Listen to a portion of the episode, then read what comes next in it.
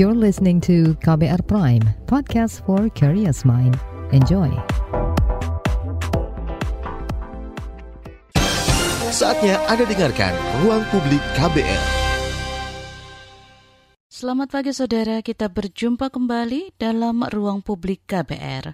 Dan tema pagi hari ini atasi burnout sebelum terlambat. Burnout merupakan istilah psikologi yang mengacu pada keadaan kelelahan kerja. Makanya, kondisi kesehatan ini juga dikenal sebagai occupational burnout atau job burnout. Biasanya kondisi ini ditandai dengan kelelahan secara fisik dan emosional akibat ekspektasi dan kenyataan karyawan di posisinya tidak berjalan sesuai dengan yang dibayangkan. Seperti apa ciri-ciri burnout dan bagaimana cara mengatasinya? Di ruang publik KBR, saya berbincang dengan Yulia Direskia, psikolog dan trainer EMDR Aceh.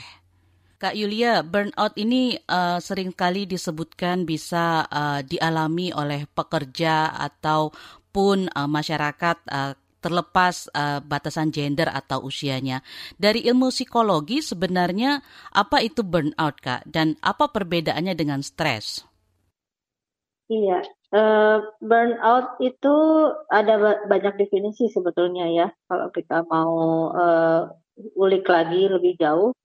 Tapi secara umum uh, bisa kita katakan burnout itu merupakan uh, sindrom kelelahan, baik yang dirasakan secara fisik maupun mental, yang termasuk di dalamnya itu uh, juga mempengaruhi konsep diri. Jadi konsep diri itu malah jadi negatif, begitu ya kemudian juga uh, jadi berkurang konsentrasinya dan juga motivasi untuk bekerja jadi berkurang juga uh, bahkan sampai ada perilaku kerjanya yang jadi negatif seperti itu.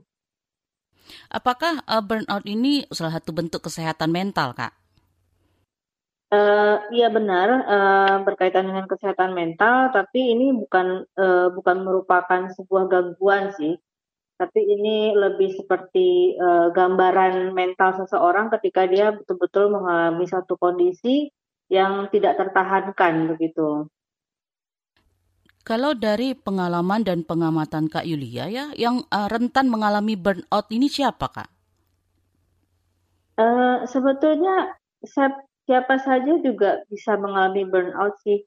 Mbak, karena misalnya ya, ya paling yang paling umum kita ketahui biasanya pekerja ya, orang-orang yang bekerja gitu. Tapi juga bisa terjadi pada ibu rumah tangga bahkan burnout itu. Uh, uh, ketika uh, situasinya itu sudah uh, sangat berat dan kemudian sangat menekan, lalu dia juga uh, seperti tidak punya jalan keluar begitu ya, dan kemudian itu berlangsung terus-menerus begitu sehingga dia uh, sudah tidak mampu lagi meregulasi stresnya dengan baik seperti itu Mbak.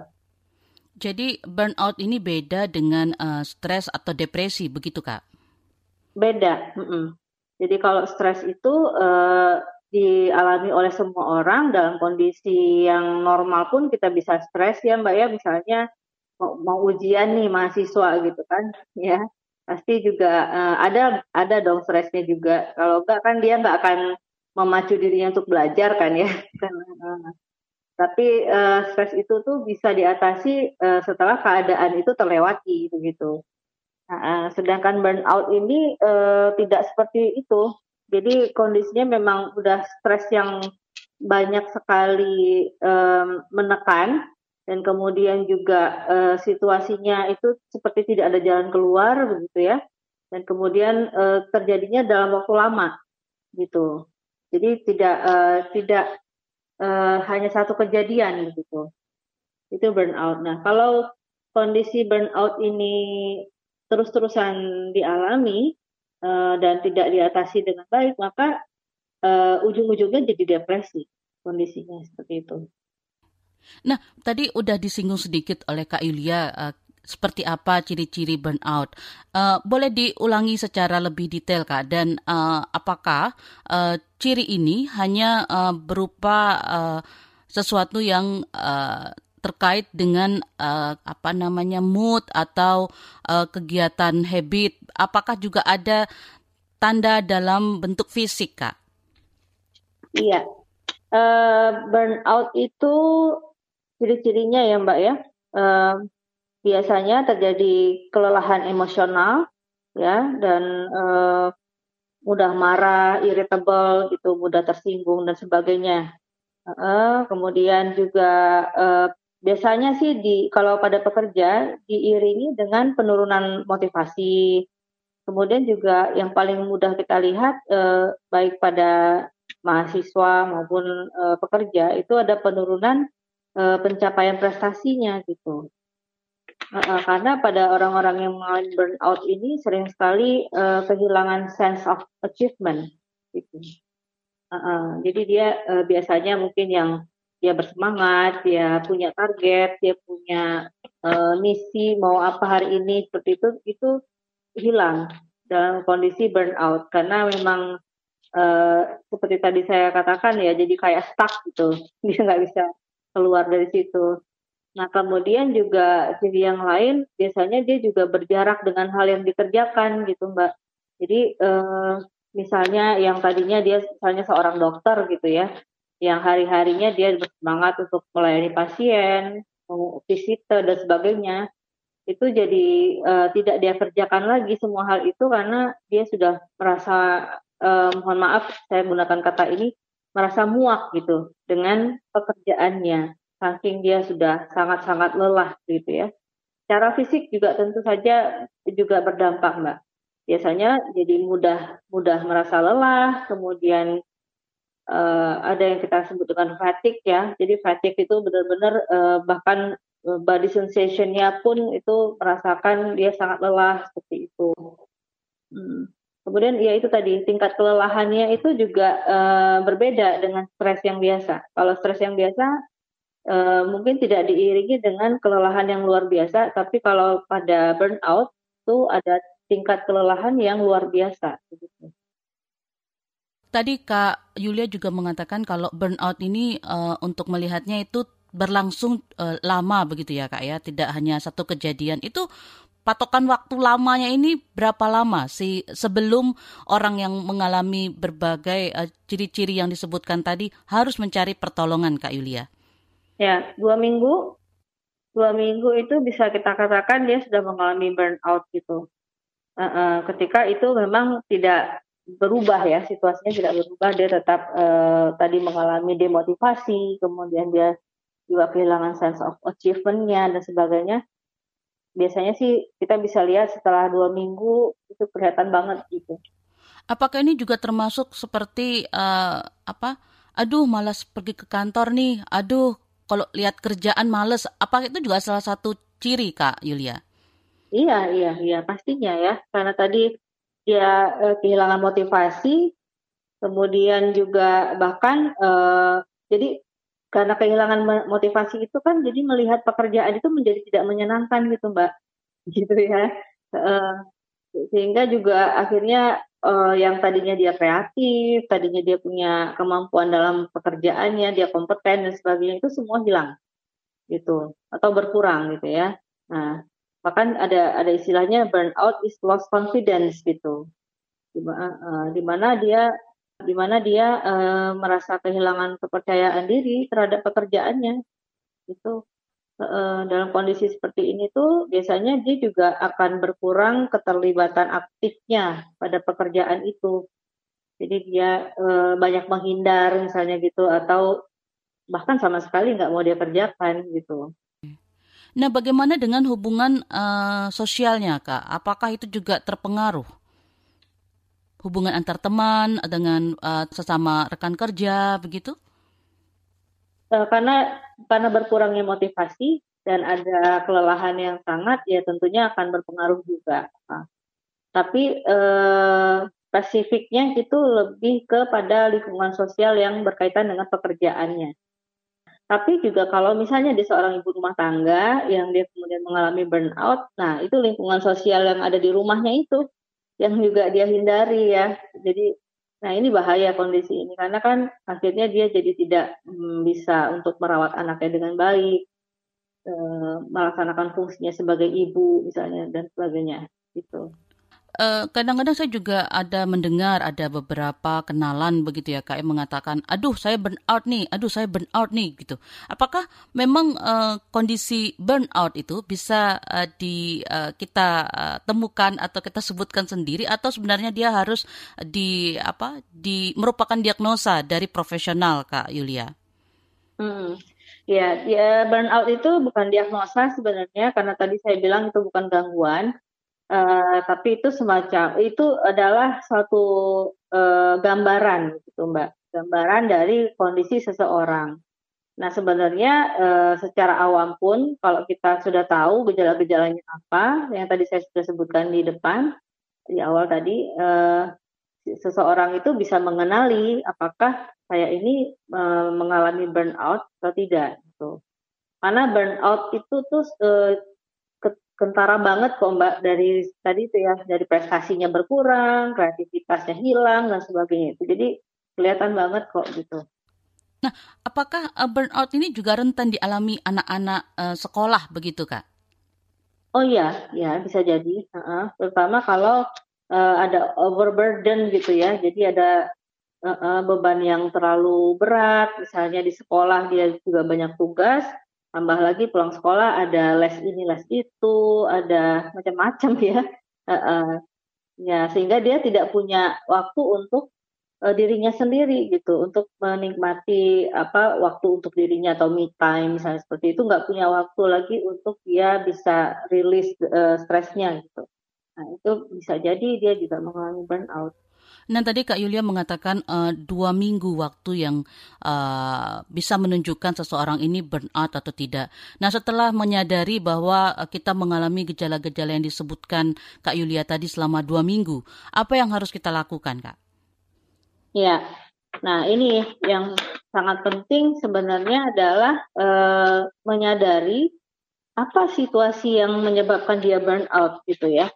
Apakah uh, situasi itu adalah karena uh, misalnya karena ada tekanan di pekerjaan, misalnya, gitu ya, ada uh, tekanan dari katakanlah kalau dia seorang pegawai, seorang pekerja, apakah dia ada tekanan dari atasannya, begitu, atau uh, mungkin dia merasa tidak mendapatkan reward yang sesuai dengan apa yang dia sudah kerjakan, misalnya seperti itu, ya kan?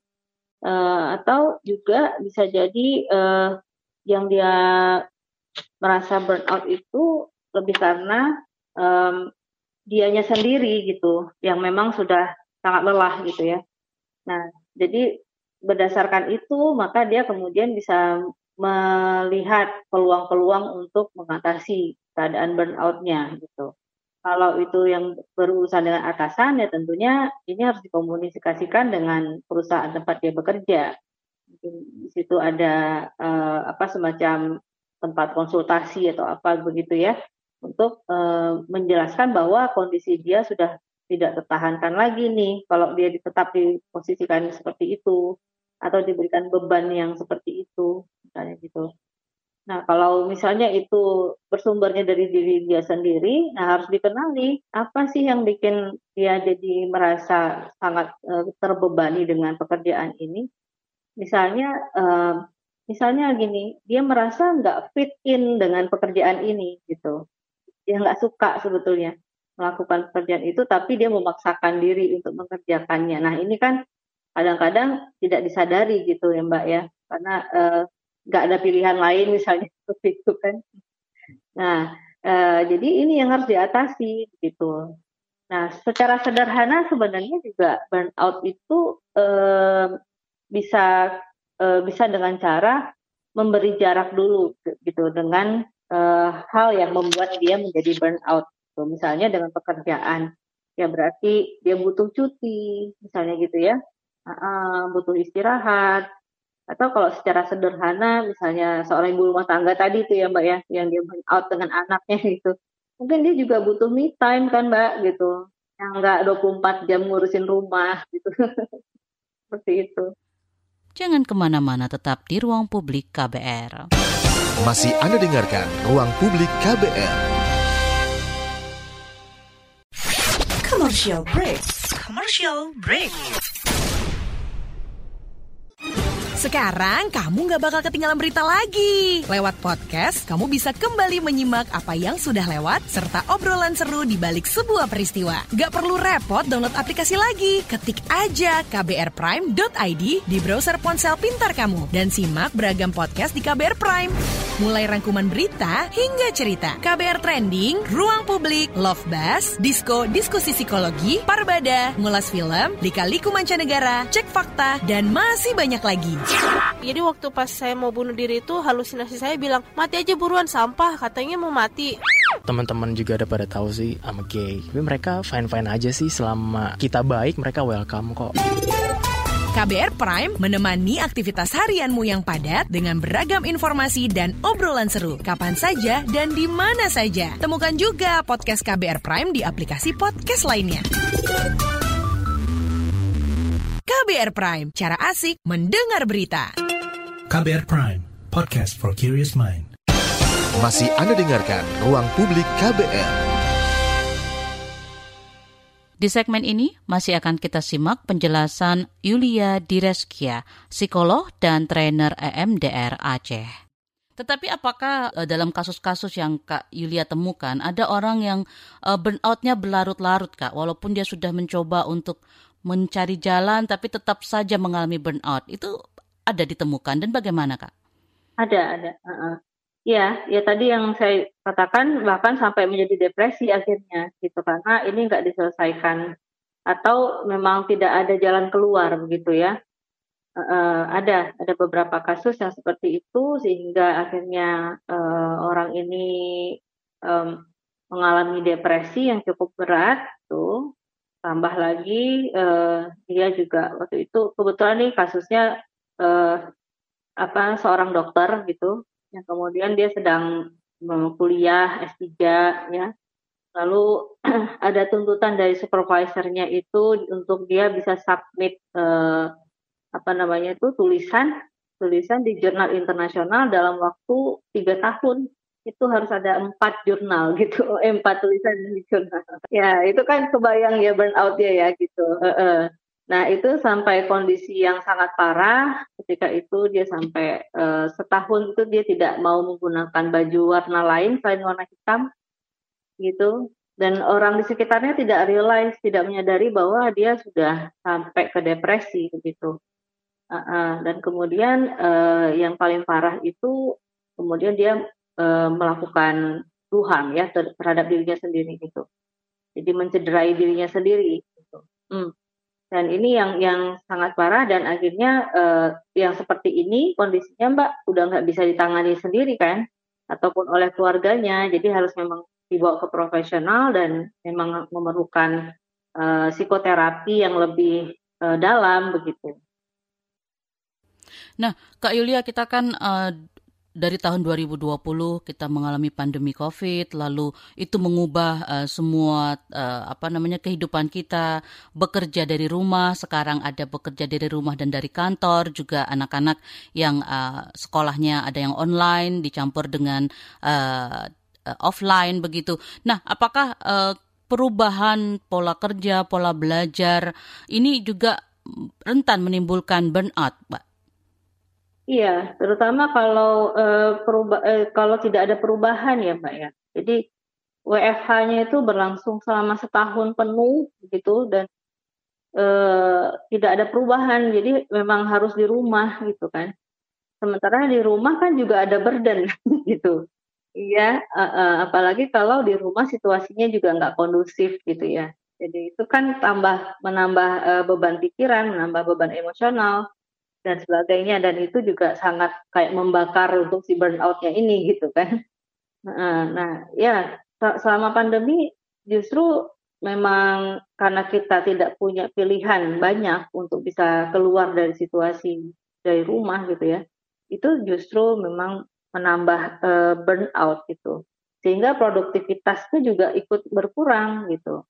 Kita bisa lihat lah ya Mbak ya anak sekolah gitu kan yang tadinya dia aktif sekali di sekolah, ada ekskul segala macam gitu, jadi nggak bisa sama sekali kan, harus di rumah gitu. Pegawai juga begitu, yang bekerja di, dari rumah, eh, nggak eh, pernah lihat matahari gitu istilahnya ya.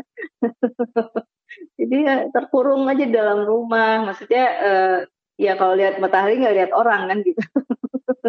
Tidak berinteraksi sosial itu juga bisa jadi burnout loh mbak. Gitu. Mm -mm. Ya karena kita sebagai makhluk makhluk sosial kan yang kebutuhan kita bersosialisasi sebenarnya kan. Uh, jadi stres ya kan, uh, stresnya nggak selesai-selesai ya akhirnya jadi burnout. Di burnout karena ada tekanan juga, tekanan pekerjaan dan sebagainya. Sedari awal, uh, apakah burnout ini bisa dicegah kak? Uh, sebetulnya bisa dengan uh, kita misalnya seseorang memilih jenis pekerjaan misalnya mbak Eh, ketika dia memilih pekerjaan yang memang dia sukai, yang dia memang nyaman bekerja di di bidang itu uh, atau melaksanakan tugas-tugas uh, sebagai misalnya sebagai dokter atau sebagai apa pun gitu ya. Nah itu akan mencegah burnout itu karena memang pekerjaannya dia memilih gitu. Uh, tapi uh, ada resiko-resiko juga ya meskipun seperti itu. Uh, katakanlah misalnya ya tadi itu seperti yang saya bilang dia bekerja keras, dia punya prestasi yang bagus, tapi ternyata tidak cukup mendapatkan reward. Nah, ini kan juga akhirnya membuat dia jadi eh, apa merasa lelahnya selama ini tidak terbayar, kan tidak hanya berupa uang. Nah, untuk mencegah yang seperti ini eh, kalau ini bisa dicegah ya jangan jangan bekerja dengan atasan yang seperti itu modelnya gitu ya. Tapi kan kan kadang kita nggak bisa memilih ya gitu. Mau bekerja dengan atasan seperti apa gitu. Nah reward sistemnya juga bisa dilihat sih sebetulnya. Uh, bagaimana reward system dalam perusahaan itu ya. Uh, atau mungkin bisa cari alternatif lain. Oke uh, atasan saya tidak memberikan penghargaan secara langsung. Tapi apa yang bisa membuat saya merasa uh, tetap berharga gitu. Misalnya seperti saya misalnya seorang psikolog gitu ya. Mungkin uh, pekerjaan saya uh, kalau dinilai dengan uang tidak seberapa gitu. Uh -uh. Tapi kalau dilihat dari kepuasannya ketika saya berhasil menangani satu orang klien dan dia kemudian bisa uh, apa namanya ada perbaikan dalam hidupnya dan sebagainya. Nah, itu menjadi reward juga bagi saya. Jadi salah satu cara mencegahnya juga gitu Mbak, melihat apa nih alternatif yang bisa kita jadikan sebagai penghargaan untuk diri kita sendiri. Sehingga uh, melihat berbagai alternatif ini kan membuat kita jadi pindah-pindah ya pikirannya. Nggak cuma ke situ melulu gitu nggak cuma tuh saya nggak dihargai ini uang apa uh, reward untuk saya bulan ini. Nggak sesuai dengan jadi payah saya nggak cuma itu gitu loh gitu. Tetapi mungkin juga yang perlu menjadi perhatian adalah ketika ini terkait dengan anak dan ibu rumah tangga yang mungkin agak lebih uh, sulit untuk uh, apa ya katakanlah orang sekitar untuk mengantisipasi uh, terjadinya burnout ini ya kak ya? Iya betul. Ya kalau itu memang uh, tapi sebenarnya gini sih mbak untuk mengantisipasi supaya dia tidak mengalami burnout bisa misalnya dengan kadang kadang-kadang gini ya, ibu rumah tangga itu kan capek itu karena melihat uh, anak usia tiga tahun misalnya kecil belum bisa uh, mengekspresikan uh, emosinya dan sebagainya, terus kemudian jatuh-jatuhnya jadi cranky misalnya gitu ya, setiap hari begitu gitu. Nah atau dilarang nggak bisa dilarang, suka manjat-manjat, suka apa misalnya gitu kan itu kan bikin capek juga, bikin frustrasi gitu. Tapi sebetulnya kalau dia menyadari bahwa ini sudah akan lama loh gitu. Anak saya begini ini mungkin di usia segini, tapi nanti ketika dia lebih besar lagi, dia udah udah lebih mengerti dan lebih bisa dikasih tahu, mungkin dia juga akan berubah gitu perilakunya. Jadi uh, ya itu tadi berpikir alternatif sih mbak, tuh melihat melihat eh, hal-hal uh, lain yang di luar apa yang kita lihat sekarang gitu. itu juga bisa mengatasi. Dari sisi orang tua mungkin mulai memperhatikan beban pelajaran kepada anak ya kak ya. Kalau sudah terlalu berlebihan mungkin bisa uh, mencari jalan supaya uh, mengurangi beban anak tersebut supaya nanti tidak menjadi burnout begitu ya. Oh iya benar sekali. Ya kalau untuk anak yang sudah uh, usia sekolah tentu saja eh, ketika kita memberikan beban tambahan selain eh, pelajaran sekolah, kita perlu perhatikan apakah ini sesuai juga dengan minatnya anak gitu. Apakah dia memang nyaman mengerjakan itu atau dia juga merasa justru termotivasi untuk eh, mengembangkan dirinya dan sebagainya? Nggak apa-apa gitu. Tapi kalau justru sebaliknya menjadi kontraproduktif gitu kan sebagai uh, pengingat pesan kepada para pendengar KBR di pagi hari ini yang mendengarkan uh, siaran kita, Kak, uh, apa pentingnya peran kita sebagai anggota keluarga, peran kita sebagai teman dalam uh, memperhatikan teman-teman uh, kita agar ketika misalnya burnout terjadi, kita cepat lebih sadar, bisa menyadari dan membantu mereka untuk melewati masa-masa itu, Kak. Ya, sering kali juga Mbak, kenapa orang yang mengalami burnout itu tidak tertangani karena uh, tidak ada yang menyadari di sekelilingnya bahwa dia sudah mengalami burnout gitu. Misalnya ada seorang pegawai gitu yang udah sering sekali absen, sering kali nggak masuk gitu. Uh -uh. Bukan hanya sekedar malas kan sebetulnya, uh -uh. tapi bisa jadi dia sedang mengalami burnout ini gitu. Anak yang nggak mau sekolah, bangun pagi banyak alasan ya sakit perut ini itu segala macam gitu. Bisa jadi jangan-jangan bukan karena dia cari-cari alasan tapi karena dia burn out gitu. Nah jadi peran penting dari keluarga atau orang-orang terdekat itu yang mengamati ya mengamati gejala-gejala ini sejak awal sejak dini itu sangat penting. Karena uh, awareness tentang gejala ini sebenarnya yang membantu dia untuk lebih cepat keluar dari kondisi burnout-nya gitu. Karena biasanya orang yang burnout itu kan kayak sedang uh, nyaris kelelep gitu ya Mbak ya. gitu, dia sendiri sudah uh, sangat kelelahan dan nggak sanggup lagi untuk keluar dari situ. Jadi begitu kita udah melihat kok ada perubahan perilaku ya, gitu, produktivitasnya kok menurun ya, atau prestasinya kok kok berubah menurun gitu. Nah itu segera kita antisipasi, kita, uh, kita sadari bahwa jangan-jangan ini adalah kondisi burnout. Tuh. Nah, kalau sudah seperti itu, kita ajak diskusi, kita coba kenali dari mana sih akarnya di burnout ini, dari mana sih munculnya dan kenapa gitu ya. Kondisi apa yang menyebabkan dan sebagainya. Nah, dari situ kita bergeraknya untuk mencari solusi gitu.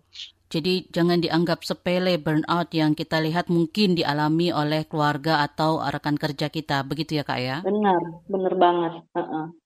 Kalau kita peduli ya kalau kita peduli, kalau kita memang sayang dengan uh, anggota keluarga kita atau teman kita atau siapa pun itu ya uh, bahkan jangan ragu-ragu untuk mengingatkan. Kadang-kadang kan kita uh, agak segan gitu ya masih tahu, uh, tapi jangan jangan segan-segan mengingatkan, jangan-jangan kamu tuh sedang mengalami burnout ya karena kamu, saya lihat kamu begini-begini kondisinya seperti itu.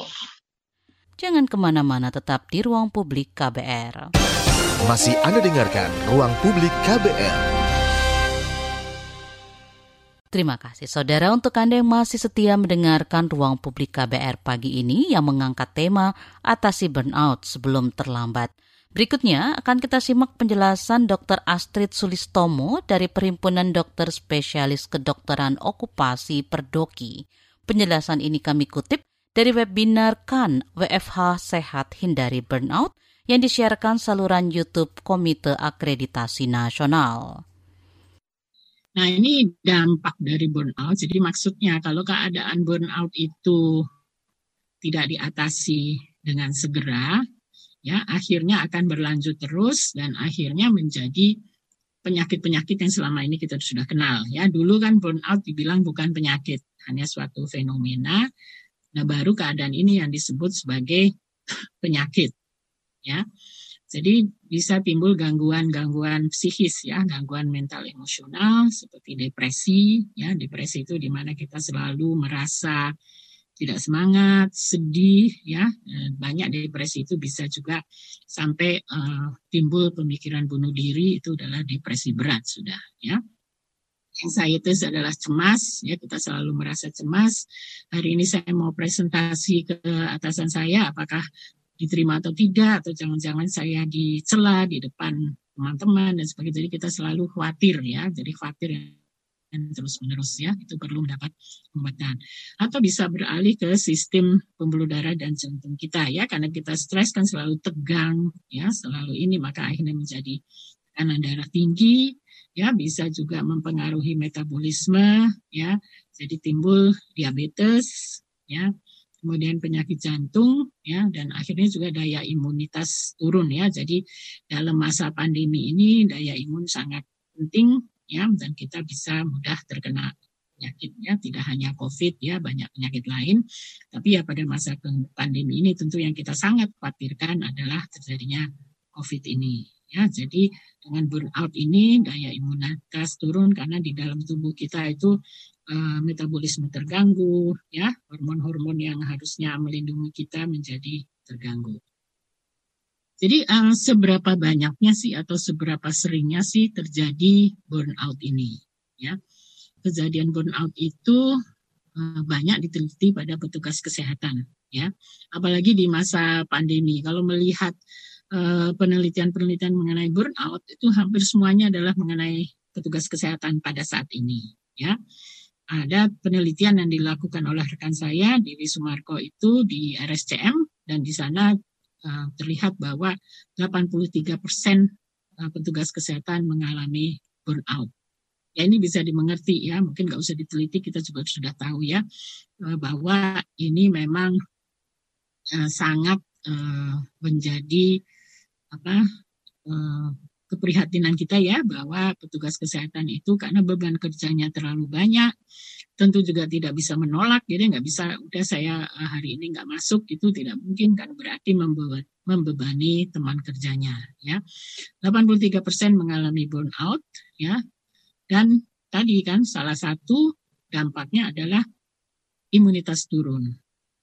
Ya, akibatnya dokter perawat kita ya banyak sekali meskipun sudah vaksinasi mengalami lagi uh, COVID nah, banyak yang meninggal ya. Kita termasuk angka kematian untuk tenaga kesehatan yang mengalami COVID itu paling tinggi ya. Ya karena itu ya uh, sebelumnya mengalami kelelahan ya sehingga tidak ada daya untuk melawan penyakit. Ada penelitian di negara lain oleh Kaptera tahun 2020 ini itu melibatkan seribu pekerja perusahaan yang kecil, yang kecil menengah, ya, yang bekerja di rumah, yang work from home, itu ternyata eh, 70% di Kanada dan 77% pekerja yang di Amerika Serikat mengalami burnout, ya, akibat bekerja di rumah. Ya. Dan kedua negara ini termasuk enam negara yang angka burnout-nya semakin meningkat. Ya, jadi di masa pandemi ini kita bisa melihat bahwa work from home itu itu adalah uh, menyebabkan uh, burnout itu sudah jelas ya kalau kita tidak melakukan work from home dengan baik. Ini juga ya uh, penelitian oleh Umale menunjukkan 52% pekerja merasa mengalami burnout dan 67% di antaranya menyatakan bahwa itu disebabkan adanya pandemi COVID-19. Ya. Karena juga sebetulnya work from home itu kan tidak hanya berarti bekerja di rumah, tetapi memang juga dianjurkan tidak keluar-keluar rumah, ya, tidak mengunjungi tempat rekreasi atau tempat olahraga. Jadi bukan hanya kerja di rumahnya sebetulnya, tapi keseluruhan situasi pandemi itu yang uh, mereka nyatakan yang menyebabkan mereka mengalami burnout. Ya. Jadi itu juga penelitian itu menyatakan lebih banyak yang bekerja dari rumah yang mengalami burnout. Jadi uh, bagaimana kita mencegah? Ya, ini kayaknya uh, yang penting kita terapkan ya supaya kita bisa mencegah. Karena tadi risiko mengalami burnout itu sangat tinggi pada yang bekerja di rumah. Ditambah bekerja dari rumah dalam situasi pandemi ya. Kalau eh, sebelum pandemi juga ada yang bekerja dari rumah tapi itu memang keinginan sendiri dan ada kemampuan mengatur sendiri. Biasanya nggak ada atasannya tetapi uh, biasanya melakukan pekerjaan sesuai uh, apa iramanya sendiri, jadi daya kontrolnya tinggi ya. Tapi kalau ini uh, belum tentu. Nah, siapa yang berisiko tinggi untuk mengalami burnout atau pekerjaan apa ya yang banyak timbul uh, burnout tersebut? Ya, uh, yang pertama adalah memang kalau tidak ada keseimbangan antara pekerjaan dan kehidupan pribadi. Jadi kalau kita selama work from home itu tidak kita membuat batasan-batasan bahwa misalnya sesudah jam 5 sore ya saya tidak mau dihubungi ya atau tidak menerima ini kecuali ada darurat ya jadi tentu itu perlu di dikomunikasikan mungkin dengan rekan kerja, dengan atasan ya bahwa sesudah ini sebaiknya hanya menghubungi kalau ada emergency ya dan apa yang harus dilakukan apabila ada emergency kodenya bagaimana atau bagaimana ya itu perlu disepakati. Uh, ini adalah untuk tugas yang sangat banyak ya sehingga harus kerja lembur ya. Jadi kalau sudah mulai misalnya biasa jam 5 sore selesai ini sudah uh, hari ini jam 6 nanti besok jam 7 malam selesai ya atau istirahat dulu tapi malam kerja lagi ya itu sudah uh, mulai kelihatan bahwa uh, beban kerja itu terlalu meningkat ya. Multitasking ya karena ingin membantu banyak orang ya. Kadang-kadang ada orang yang terlalu baik ya. Teman kerjanya minta bantuin kerjaan ini dong. Teman kerja lain minta ini atasan minta ini. Anda karena bermaksud baik bermaksud membantu semua orang akhirnya menerima semua tugas itu ya sehingga melakukan multitasking. Nah itu anda berisiko tinggi untuk mengalami burnout. Dan pekerjaan di sektor pelayanan kesehatan seperti kesehatan guru dan sebagainya itu tentu berisiko tinggi ya. Apalagi di masa pandemi ini ya di mana petugas kesehatan setiap hari mengalami uh, beban kerja yang banyak ya. Kemudian yang juga uh, berisiko tinggi untuk mengalami burnout adalah pekerjaan yang lebih banyak dikontrol ya daripada mengontrol. Jadi maksudnya pekerjaan yang kita tidak bisa mengendalikan sendiri ya. Kapan saya mau selesaikan ya. Tapi dikasih tugas ini harus selesai hari ini kemudian atasannya ngecek lagi sudah belum melakukan ini, kemudian atasannya ngecek lagi jam segini dua jam lagi dicek lagi udah sampai mana dan sebagainya. Nah itu tentu adalah uh, bisa menimbulkan stres bagi si pekerjanya, ya. Kemudian juga pekerjaan-pekerjaan yang monoton atau rutin, ya itu sebetulnya termasuk dalam yang tidak bisa mengontrol. Jadi pekerjaannya tiap hari sama, ya. Mungkin dia dapat tugas hmm, data entry ya. Dia dapat dari perusahaannya. Ini harus di entry jadi tiap hari hanya data entry saja ya. Nah tentu itu akan menimbulkan uh, monotoni dan kebosanan ya. Kemudian tentu orang-orang yang perfeksionis atau selalu berusaha menjadi yang terbaik ya. Jadi dia punya drive ya punya motivasi saya harus yang terbaik. Semua pekerjaan saya harus perfect ya saya harus bisa menyenangkan atasan saya ya. Nah orang-orang yang mempunyai kepribadian seperti itu tentu lebih berisiko tinggi untuk mengalami uh, burnout ya. Jadi uh, ini adalah uh, pekerjaan-pekerjaan yang berisiko tinggi untuk mengalami burnout. Mungkin anda bisa mengenali sendiri ya di antara ini saya termasuk atau tidak ya apakah pekerjaan saya seperti itu? Ataukah saya punya kepribadian seperti itu? Ya tadi kepribadian menolong semua orang atau kepribadian mau yang terbaik mau menjadi perfeksionis. Bukan tidak boleh menjadi perfeksionis tapi harus bisa mengenali apakah ini apa keinginan Anda terlalu tinggi. Maksudnya harus bisa mengerem ya kalau sudah ada tanda-tanda bahwa Anda mengalami stres ya. Jadi bukan berarti terus tidak boleh melakukan semua pekerjaan ini, tetapi harus lebih hati-hati, lebih ada remnya ya sehingga mengenali tanda-tanda burnout sehingga Anda bisa melakukan uh, upaya-upaya uh, pencegahan. Jangan ke mana-mana tetap di ruang publik KBR. Masih Anda dengarkan Ruang Publik KBR. Commercial break. Commercial break.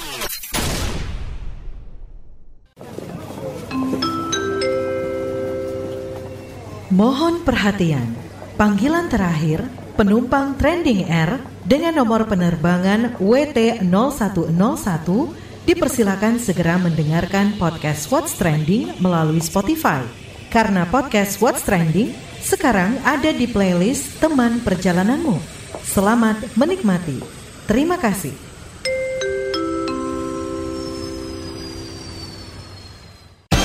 Masih Anda dengarkan Ruang Publik KBR. Kita tiba di bagian akhir Ruang Publik KBR hari ini. Berikutnya masih akan kita simak penjelasan Dr. Astrid Sulistomo dari Perhimpunan Dokter Spesialis Kedokteran Okupasi Perdoki. Penjelasan ini kami kutip dari webinar KAN WFH Sehat Hindari Burnout yang disiarkan di saluran YouTube Komite Akreditasi Nasional. Kalau sudah terkena burnout atau sudah timbul gejala burnout, apa yang perlu dilakukan? Ya, jadi yang pertama adalah uh, dengan uh, Anda menyadari atau mungkin anggota keluarga Anda yang di rumah memperhatikan bahwa Anda sudah mengalami burnout itu, ya Anda mesti membicarakan masalah pekerjaan yang dihadapi dengan atasan atau rekan kerja, ya bahwa mungkin itu tadi Anda dihubungi setiap waktu, ya jam 9 malam bosnya ingat, oh ya nih saya mesti ngasih tugas ini besok harus selesai atau gitu tiba-tiba menelpon gitu ya, jadi bicarakan ya dengan atasan atau kalau tidak berani langsung paling dengan rekan kerja. Bagaimana sih sebaiknya beban kerja seperti ini harus diselesaikan? Jadi harus ada um, yang uh, apa rekan lain atau siapa pun yang anda percaya ya yang anda bisa bicarakan. Kemudian lakukan juga evaluasi mengenai pekerjaan yang selama ini dilakukan ya. Apakah memang ada memang yang di, harus diprioritaskan, apakah ada yang bisa dikurangi ya atau disesuaikan dengan kemampuan ya sehingga uh, bisa itu dibicarakan dengan atasan ya.